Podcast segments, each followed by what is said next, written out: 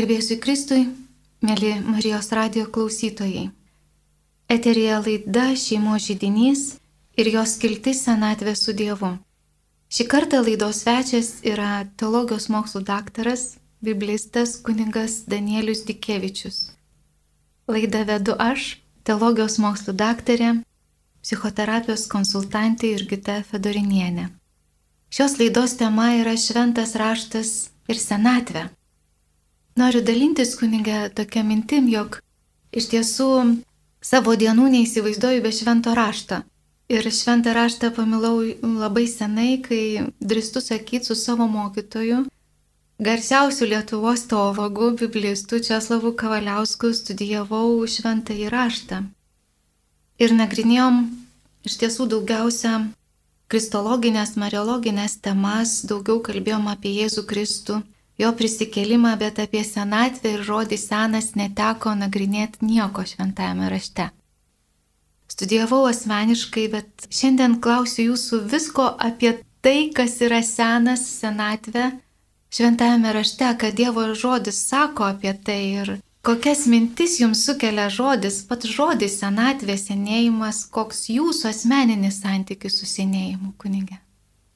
Na, pirmiausia, dėl pačios temos įvardyjimo, tai čia, kai aš išgirdau, kaip jūs tai pasakėte, kad šventasis raštas ir senatvė, tai kiek aš taip pat iš karto spontaniškai galėčiau pasakyti, tai skamba dviprasmiškai, nes galima suprasti, kad šventasis raštas sako apie senatvę, bet šventasis raštas ir senatvė tai reiškia, kad vat, senatvėje kaip skaityti tą šventąjį raštą, kaip jo dalintis, nagrinėti, mąstyti. Tai aš kiek suprantu, mums įdomu, ką šventajame rašte apie senatvę yra parašyta. Ir e, tam tikrą prasme tema tokia jūra, gili ir plati. Ir mes mūsų laidos eigoje tikrai viso neapriepsime, viso neaptarsime, jau labiau, kai jeigu jūs vat ir pasakėt, kad ne tik tai senatvė, bet ir kas yra sena, ir tada jau čia visiškai kitokios plotmės. Kitas semantinis kampas tos tematikos.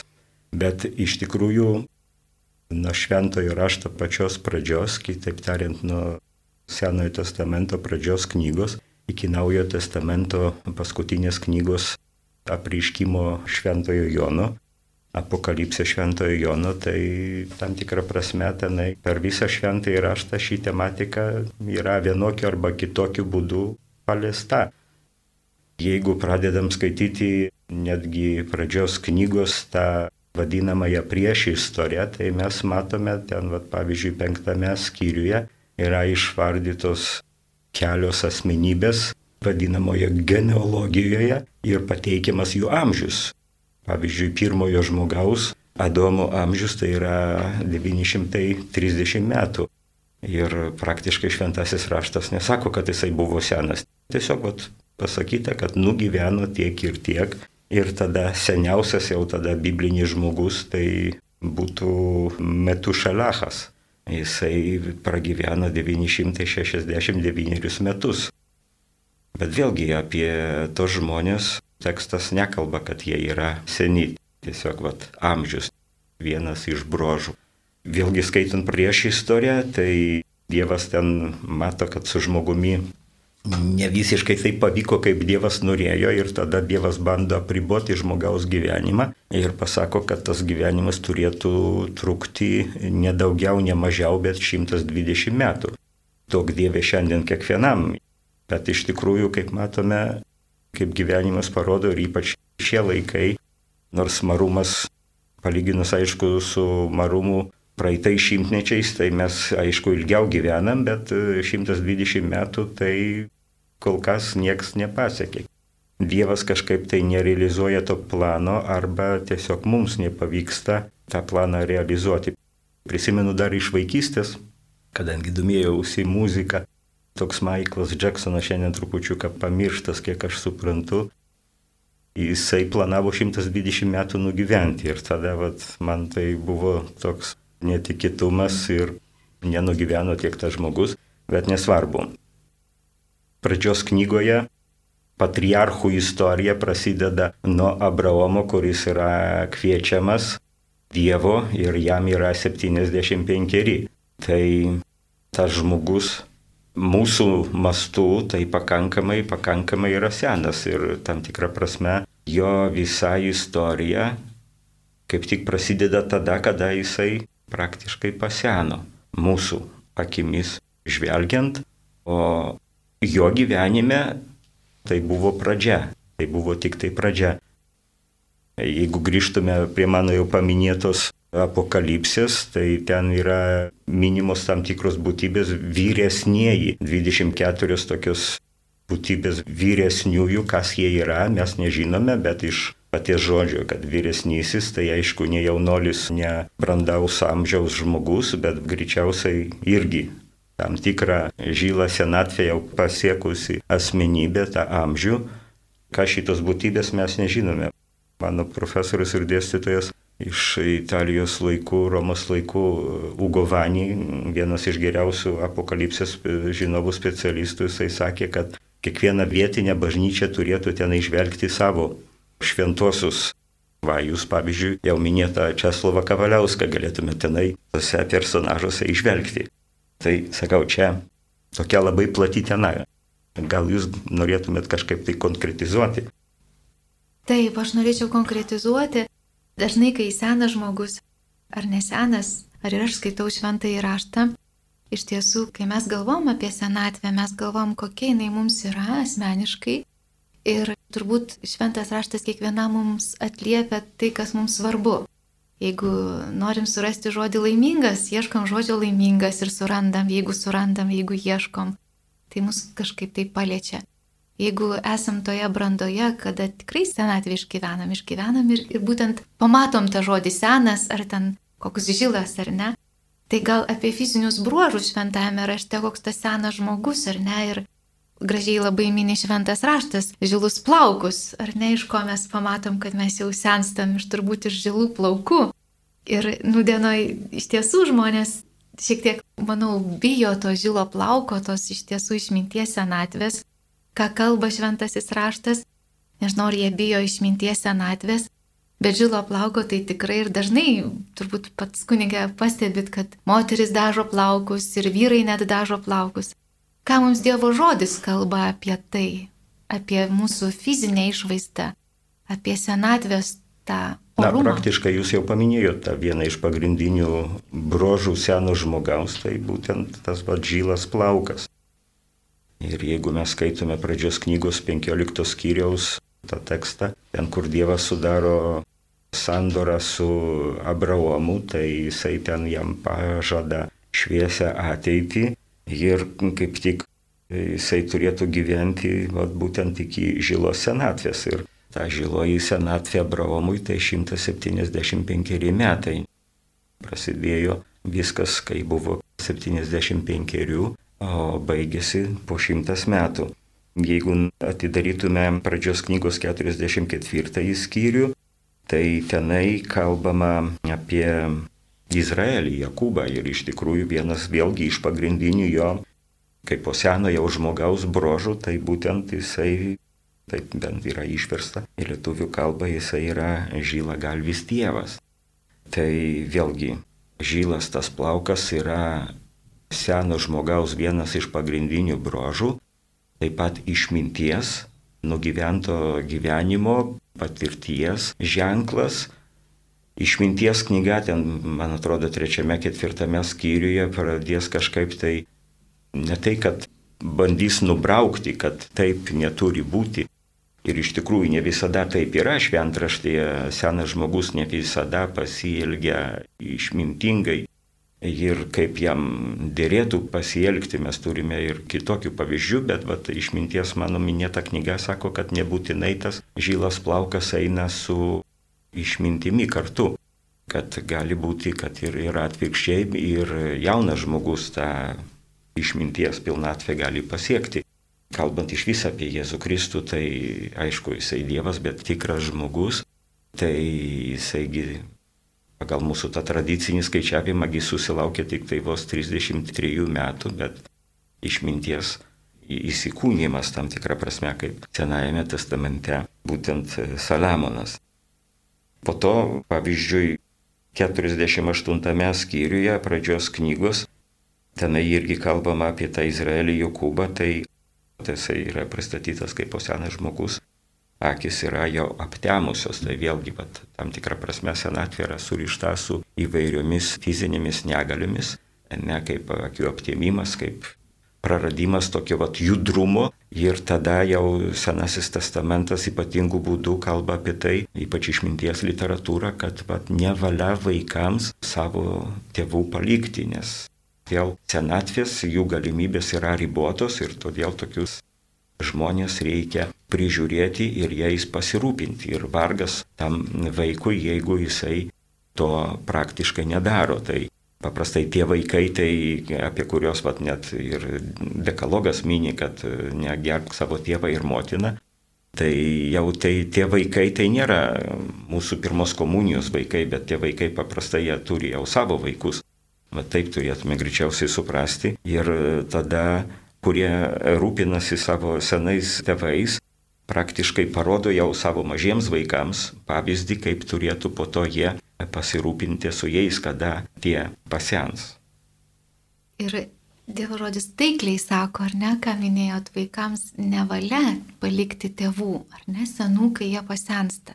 Visko čia nutinka mūsų gyvenimuose ir matom iš tiesų tas tragedijas, kai senelių namų labai daug. Ir čia gal ir dviprasmiškai galima pasižiūrėti visai ir, ir dirbanti visuomenė yra. Bet gal tada Pažvelkime į tą seną žmogų ir jo vaiką, ar ne, kuris nėra pirmos komunijos, bet kuris turi vaikų, jų santykiai, ar ne. Šventas raštas kalba mums ir apie seną žmogų, apie tą protinį jo silpnumą, Dievas duoda žinot. Ir įspėja ne tik tai silpnumą, bet ir protinį silpnumą. Iš tiesų, Alzheimeris, demencija tuo metu į senatvę kažkaip kartu kolegeliai kartais, na, sužaidžia tą blogąją prasme, gal skaudžiąją prasme. Ir tas vaikų santykis su tėvais pasidaro labai keistas. Ką galėtumėt pasakyti, ką mus mokina Dievo žodis, vat, apie tą protinį silpnumą ir tą vaiko santykį su savo sergančiu tėvu, kurio protas ar mama, kurio protas yra nebe toks, jisai pats tampa vaiku. Tai čia jeigu prisimenu Tai man atrodo patarlės knygoje yra net pasakyta, kad tu turi pasirūpinti savo tėvais net tada, jeigu ir protą prarastų. Kitaip tariant, iš to galima būtų padaryti tokią išvadą, kad greičiausiai tokiu atveju būta, kad tikrai vat, pasenęs žmogus jau masto ne tik tai, kad kitaip, bet gal perdėm vaikiškai arba jau nebendrauja su šio pasauliu. Ir jeigu biblinis tekstas mini tokį atvejį, duoda konkretų nurodymą, tai reiškia tokių atvejų būta. Ir ypač, aišku, anais laikais, tai kai šeima tai nebuvo vien tik tai tėvai ir vaikai, bet tai buvo šeima, tai ir seneliai, ir proseneliai galėjo būti ir tarnai, tai šventasis raštas tokią problematiką pažįsta, bet iš kitos pusės aš sakyčiau, Jau čia daugiau pasakyčiau kaip po kunigas, nes tenka įvairių žmonių susitikti ir būna tokių, kurie sako, kad kai mes vat išeisim į pensiją, tada mes vat ir turėsim laiko tai bažnyčiai ir, ir Dievui. Daug Dieve, jeigu jų senatvė bus būtent tokia, kad jie bus fiziškai pajėgus toje bažnyčioje, bažnyčios gyvenime, parapijos gyvenime dalyvauti ir kaip tik bus protiškai gabus visą tai suprasti, kas jiems bus sakoma. Tokių pavyzdžių kaip po kunigas, sutinki įvairių žmonės ir po to esi pakviestas, pavyzdžiui, patepimo vadinamojo paskutinių. Būna taip, kad negali su žmogum susikalbėti. Bet šventojo rašto žmonės, tie vat senyvo amžiaus, tai kaip tik dauguma jų tai yra tokie, kurie vis dėlto ir turi savo tą fizinį pajėgumą ir netgi gebėjimą gyvybę pratesti ir e, taip pat tą šviesą, proto šviesą jie išlaiko praktiškai iki pabaigos. Aišku, čia reikėtų konkretizuoti, pavyzdžiui, kaip ir Zacharijas. Tai jau senas žmogus, jo eilė patarnauti, atlikti tam tikrus kunigiškus patarnavimus ir štai jam žinia, tavo malda išklausyta. greičiausiai jisai jau būdamas senyvo amžiaus jau ir nustojęs buvo iš vis melstis ir prašyti Dievas turi savo laiką. Ir tada jisai praktiškai, kadangi po to yra nubaudžiamas, tai pasielgia tam tikrą prasme neišmintingai, nes nepatikėjo iš karto. Ir čia va tas pavyzdys, būtent kada turėtų dar jo labiau kaip po kunigas, būtent va apsidžiaugti tą žinią, o jisai per diem masto žvelgia į visą tai pasaulietiškai. Užmiršta, kad Dievui nėra negalimų dalykų ir tada tam tikrą prasme jisai yra baudžiamas, bet ir iš kitos pusės, sakyčiau, tai, kad jisai nebegali kalbėti, tai jam ir palaimus ženklas, nes tu galėjo apmastyti visą tai, kas įvyko, ramybėje apmastyti, nes įsivaizduokit, jisai sugrįžtų į savo tą kaimelį, kur jisai gyveno tiek žmonių ten vat, galėtų po to jo klausinėti, kas ten su tavimi įvyko, kad tu taip ilgai ten užtrukai. Ne? Ir čia tada tas vargšas žmogus neturėtų ramybės, tai tam tikrą prasme ta bausmė jam skirta už tai, kad pasilgė neišmintingai. Ne taip, kai tas žylas plaukas jį pareigoja, bet iš kitos pusės tai buvo bausmė ir palaimus ženklas. Vėlgi, jeigu nukeliautume mes į pranašo Danieliaus knygą, tai ta Zuzanos istorija Tai būtent tie, kurie ten va, apkaltino ją, tai ir norėjo su ją pabendrauti netinkamų būdų, tai kaip tik irgi buvo vyresnio amžiaus, senesnio amžiaus žmonės. Taigi vėl pavyzdys, kad ne visada tas vadžylas plaukas yra ženklas būtent tos vad dieviškos, nu ir žmogiškos tokios išminties. Ir ne visada tai yra doro elgesio garantas tam tikrą prasme. Skaitant Makabėjų knygą, ten, kur priverčiami žmonės vat, aukoti kitiems dievams ir netgi vienas iš vyresnių žmonių, tenai paminėtų vardų dabar neprisiminsiu, bet jam yra siūloma, kad mes tau duosime kitokio maisto, valgyti tą maistą, kurį tu gali valgyti, bet tu tik tai suvalgyk, o jisai sako ne, kad čia nesiderina su mano amžiumi. Nesvarbu, kad aš ten valgysiu tinkamą maistą, bet tie, kurie matys, kad aš valgau, jiegi galvos, kad aš valgau tą uždraustą, tą keulieną. Ir mums šiandien tai kas čia tokio tą keulieną vėlgi valgyti ar nevalgyti, tai jūs įsivaizduokit anais laikais, kalbant apie kitokius dalykus, kad vat, žmonėms ir kodėl priversdavo tos žmonės vat, žud būtent tiems žydams aukoti aukas būtent vat, pagoniškoms dievybėms kas čia tokio svarbaus buvo. Tai, sakyčiau, anais laikais tai buvo garantas, kad dievai užtikrina tokiu būdu valstybei palaimą, sėkmę. Tai atsisakymas nepaklūsti tiems įsipareigojimams, tai buvo tolygus, pavyzdžiui, mūsų dienomis, jeigu va, krikščionys pasakytų, mes valstybei mokesčių nebemokėsime. Kažkas tai tokio. Ne. Sakau, Biblija, kai kalba apie senus žmonės, tai ta perspektyva, tų tematikų platumas yra labai didelis ir tenai praktiškai kiekvienas galėtų savo surasti kažkokį tai atitikmenį ten, kur žmogus išmintingai pasielgia arba atvirkščiai sukvailioja labai vaikiškai.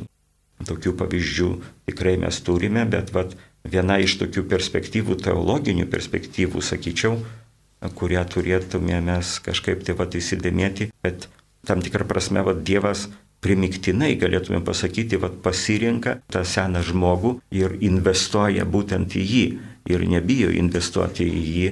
Ir tai vienas, sakyčiau, iš tokių literatūrinių priemonė parodyti, pasakyti, išreikšti teologiniai minčiai, kad kada tu praktiškai jau esi beviltiškoje situacijoje, o Dievas tau duoda galimybę arba ten va tapti tėvu, arba tiesiog va tu gauni tam tikrą teritoriją, kuri tau yra pažadėta arba išsipildo maldavimas, kuris kadaise buvo tau labai aktualus, o po to prarado iš vis kažkokią tai prasme, tai tokiu būdu parodoma, kad va, tas atpirkimas ir po to išganimas, trupučiu, kad du skirtingi dalykai, kad tai yra Dievo dovana ir kad pats žmogus savęs atpirkti ir išganyti, kitaip tariant, padaryti laimingų, pasiekti tą vat, tobulumą arba pasiekti tą antgamtinę tikrovę tikrai pats savo jėgomis nebegali ir būtent vat, seni žmonės, kuriuos Dievas pasirenka šventajame rašte, yra būtent vat, toks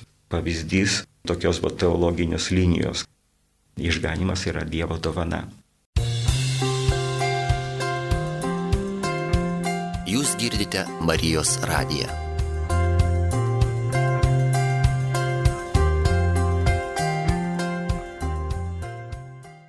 Tai kunigė, ar teisingai pasakysiu, kad žilas plaukas mus įpareigoja siekti išganimo kaip dovanos, kviečia ir kartu įpareigoja, kalbėjot apie tą senas ir senatvę šventajame rašte, o dabar norėčiau vis tiek grįžti prie to šventas raštas ir senas žmogus ir senatvė, kad ne tik mums žiliems, vad kaip mes čia būdavo sėdim šiek tiek žilokiai jau, bet dar neseni, ar ne? Bet tie, kurie jau yra žili ir seni, vis tiek Dievas kviečia mus skaityti šventą raštą, gal su tokiais rimtesniais akiniais, gal su padidinamoju stiklu, bet Dievas kviečia irgi, na, skaityti, skaityti jo žodį ir vat, ieškoti, eiti link išganimo, ar ne? Ką kvieštumėte skaityti būtent senam žmogui? Vis yra Cido knyga, Koheleto knyga. Kaip galvojat, ką rastų ten senas žmogus? Toks klausimas, į kurį sunku taip bendrai atsakyti. Iš tikrųjų, viskas priklauso nuo to, kiek tas žmogus jau prieš tai yra skaitęs, kiek kaip yra susipažinęs su šventojų raštu. Jeigu jisai jau yra perskaitęs visą šventąjį raštą, tai jisai pažįsta tas knygas, tas vietas, ir galėtų sugrįžti prie tekstų, kurie jam kaip tik tinka, atitinka jo tą dvasinį stovį. Tai aš iš vis tai patariu žmonėms, bet skaityti šventąjį raštą du skyrius kasdien. Čia toks bendras mano patarimas. Pradėti aišku reikia nuo vieno skyrio. Jeigu vat, norėtume šiandien pradėti skaityti šventąjį raštą, tai skaitom vieną skyrių, o jau sekančią dieną skaitom du skyrius Kodėl du? Todėl, kad perskaitom tą skyrių, kuris jau buvo skaitomas vakar ir kuris yra skirtas šiandienai. Ir tada, jeigu tokiu būdu mes laikytumės tokios strategijos, tada mums reikėtų daug maž 3,5 metų ir mes perskaitom visą šventąjį raštą. Ir tada, jeigu mokam kažkokią tai kitą kalbą arba tiesiog paimam kitą vertimą šventojo rašto ir skaitom vėl besilaikant tos pačios logikos. O vyresniems, jeigu jau taip vat, bandyti kažkaip tai patarti, tai sakyčiau, viskas priklauso nuo tos gyvenimo situacijos. Jeigu viskas gerai klostosi, tai galima skaityti kažkokią tai, vat, kaip ir jūs minėjot, lengvo pobūdžio, vat, Siracido knygą. Žmonėms, kurie vat, iš vis nėra skaitęs šventojo rašto, tai aš tada patariu, jeigu norit pradėti skaityti šventąjį raštą, tai pradėkit pavyzdžiui nuo Siracido knygos koheletas tiktų, jeigu žmogus išgyventų kažkokią tai vat krizę, kad turėtų kažkokiu tai e, abejonių, o iš vis galima būtų vat senatvėje, ta prasme, jeigu yra kažkoks tai nusivylimas arba vat, nepasitenkinimas to, kas yra, kas norėta pasiekti ir nepavyko pasiekti, tai vat tokie pavyzdžiai kaip tas vat ir mano minėtas Abraomas, labai tinkamas personažas, kuris duoda tokios vat vilties, drąsos ir paragina tiesiog vat, nebijoti pradėti iš naujo tam tikro kelio, kuris net ir jeigu vėlai, jeigu žmogus vat, susiprato, kad čia jo gyvenime nebuvo nei Dievo, nei meilės, arba per mažai viso to buvo, tai nepasakyti, kad čia jau su to jau nieko nebepakeisi, a, jau tegul būna kaip būna, bet vat, kaip tik giliau, giliau pažvelgti į savo santyki tą su Dievu O kas pagilina savo santyki su Dievu, tai anksčiau ir vėliau jisai vat, atranda tą gilesnį santyki ir su žmogumi. Nes čia yra strategija biblinė irgi tokia, kad vat, trečiame skyriuje pradžios knygos žmogus nubraukia Dievą kaip po tėvą, o ketvirtame skyriuje nubraukia kaip po brolį. Ir atvirkščiai, žvelgiant į Evangeliją pagal Luką, pirmas skyrius, švenčiausia mergelė Marija Dievui pasako taip ir tada skuba iš karto patarnauti būtent žmogui, kuris irgi yra senas ir kaip tik vat, jam reikia pagalbos. Ir šita vat, situacija su švenčiausia mergelė Marija ir su sena Elisbeta, tai sakyčiau labai tokia pamokanti, nes vis dėlto ir senam žmogui reikia mokėti pasakyti ne. Vaikai turi atpažinti, nes kartais tai būna, kad Nu ką, senas žmogus norėdamas kažkaip tai va, daugiau dėmesio susilaukti gali trupučiuką ir pavaidinti. Tai dabar vat švenčiausia mergelė Marija, žiūrėkit, jinai išeina ir būna tris mėnesius, aišku, iki gimdymo, bet labiausiai pagalbos reikėtų kaip tik po gimdymo, sakyčiau. Tada, kada jau gimė tas Jonas Krikštytojas, o kaip tik tada švenčiausia mergelė Marija sugrįžta, kadangi viskas jos laikas baigėsi. Jis žino, kad dabar turi įvykti tas antras etapas vedybų, kada įvesdinimas būtent į namus.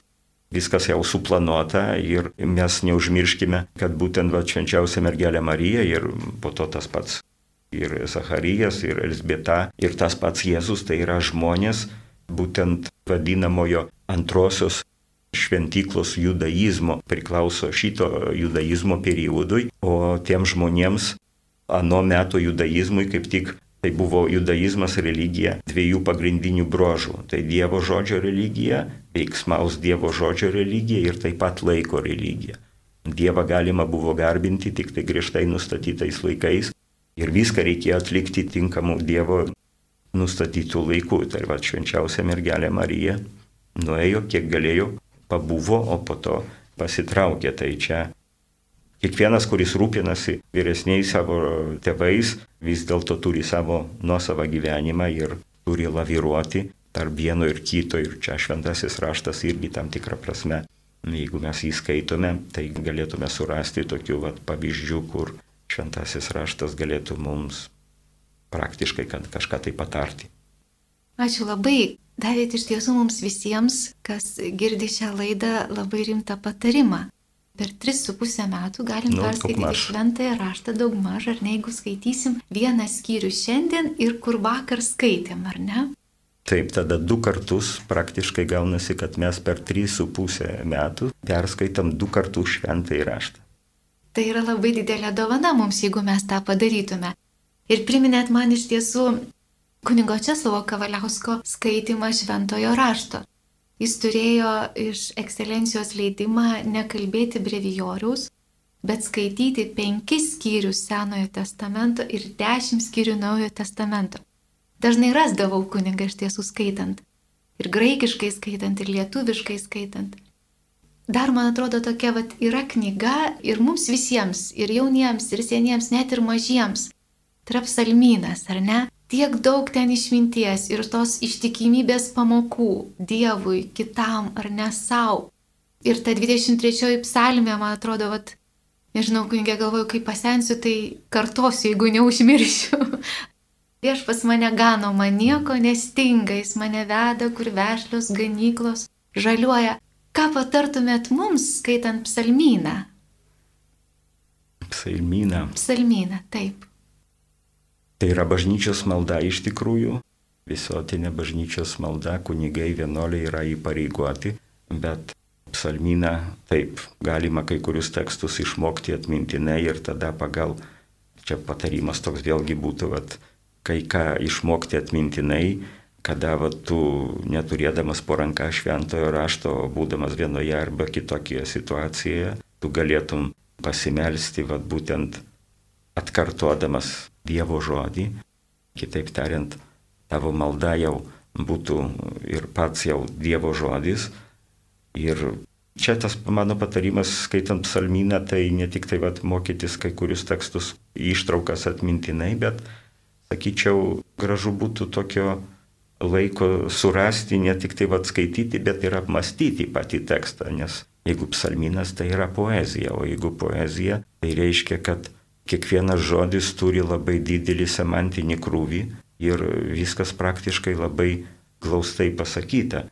Todėl tenai tai nėra proza, kai tu gali vat, skaityti taip pat nesustojant, ne, nes grįžtant prie tos pačios jūsų jau minėtos psalmės 23, tai ten yra tokie įvaizdžiai, kurie kartais, pavyzdžiui, ten kad tu paruoši man vaišės ir po to sklidina mano taurė, ne mano priešų akivaizdoje.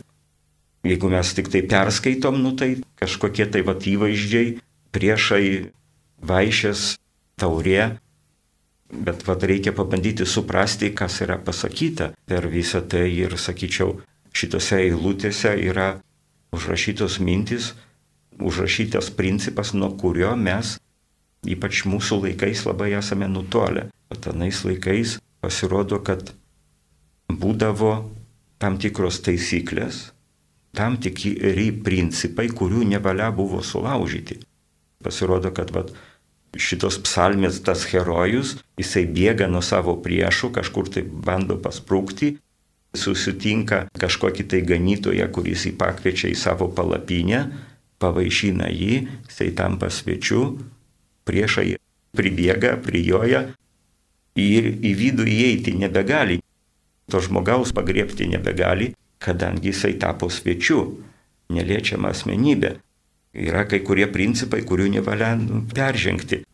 Kaip ir tas vat, iš Luko Evangelijos 15 skyriaus vadinamasis sunus palaidūnas, tai jisai vat, norėtų valgyti tą jėdalą, kuris duodamas keuliams ir nieks neduoda, ne dėl gopšumo, bet dėl to, kad žmogui nevalia to ėdalo valgyti. Tai, kas valgo žmogus, tai yra vienas dalykas, tai, ką ėda žvėris kitas ir vat, principai, kurių nevalia niekada peržengti. Jeigu mes va taip skaitom šventąjį raštą, ne tik tai, kad perskaityti ir pastatyti kažkokį tai kryželį, kad čia va aš įvykdžiau savo pareigą, bet va bandyti suprasti. Kadangi čia nesenai pat buvo ir atlaidai aušros vartų, tai švenčiausia mergelė Marija, nors tai yra kaip tik jaunas žmogus, tai nebūtų liktai ir tematika šios laidos, bet vis dėlto apreiškimas švenčiausiai mergeliai Marijai ir visa tai, kaip jinai į tą prieškimą reaguoja, tai tenai mes švenčiausią mergelę Mariją paprastai vadiname pirmoji egzegetė. O jeigu egzegetė, tai reiškia, kad turi savo metodą, turi tam tikrus egzegetinius žingsnius ir iš tikrųjų mes matome švenčiausią mergelę Mariją, išgirdusi Dievo žodį, išsigando, taip tariant, priėmė tai, kas buvo angelo jai pasakyta kaip po Dievo žodį, čia irgi va tas toks dviprasmiškumas iš vienos pusės. Šiandien ypač bandoma pasakyti, kad va šventasis raštas tai yra literatūrinis kūrinys ir nevalia to užmiršti, bet vis dėlto tai literatūrinis kūrinys, kuris tuo pačiu metu yra ir Dievo žodis. Tai čia va pirmas dalykas. Jeigu mes skaitome šventąjį raštą, tai pirmiausia skaitome žmonių parašytą Dievo žodį sakralus prieimas iš vienos pusės, o po to išsigandusi Marija svarstė. Ką reiškia tas sveikinimas? Tai va tai, ką aš sakiau, ne tik tai skaitimas, bet ir bandymas suprasti tas racionalumas. Mūsų kultūra, vakarų Europos kultūra, tai yra katedrų ir universitetų kultūra. Ant dviejų stulpų visada va, tas tikėjimas ir racionalumas ėjo kartu. Šiandien vienas ir kitas yra dalykai po mažų greunami. Tai va, švenčiausia mergelė Marija bando įsigilinti į Dievo žodį ir po to aplikuoja į savo gyvenimą, kaip tai vyks, kadangi aš vyro nepažįstu. Tai va čia trečias žingsnis, kurį švenčiausia mergelė Marija daro ir irgi labai svarbu, va, ne tik tai perskaityti, bandyti suprasti, bet ir po to pagal tai gyventi. Ačiū labai, girdėjau tokią mintį, berots vidury pokalbėjo, kaip minėjot apie parapiečius, kad at kaip pasensiu turėsiu laiko, ar ne? Na, yra tokia tendencija, tokios mintis ir pas daugelį, manau, žmonių, ar ne?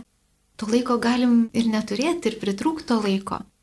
Bet baigiant laidą, jeigu iš tiesų turėtume laiko, norėtume skirti Dievui laiko, nebūnant senu, O jau būnant senu, kai iš tiesų to laiko šiek tiek daugėja, ar ne? Nuo darbų, gal ten esam nepajėgus kažko padaryti. Yra tas šventas laikas savo, artimui Dievui. Ir tada girdėjau prasmingus patarimus ne tik skaityti Dievo žodį, ne tik priimti Dievo žodį, ne tik suprasti, ne tik apmastyti, bet ir gyventi juo. Ačiū labai kunigė už pokalbį. Šį kartą laidos svečias teologijos mokslų daktaras, biblistas kuningas Danielius Dikevičius. Laidą vedu aš, teologijos mokslų daktarė, psichoterapijos konsultantė Jurgita Fedorinienė. Noriu padėkoti už vertingas mintis, ką mes galime įsidėmėti, kad Dievo žodis mums kalba, kad šventame rašte galima ieškoti daug išminties ir daug gyvenimo ir daug santykio su Dievu. Linkiu visiems skaityti šventą raštą ir gyventi juo. Ačiū labai kunigė. Sudė. Ačiū Jums su Dievu.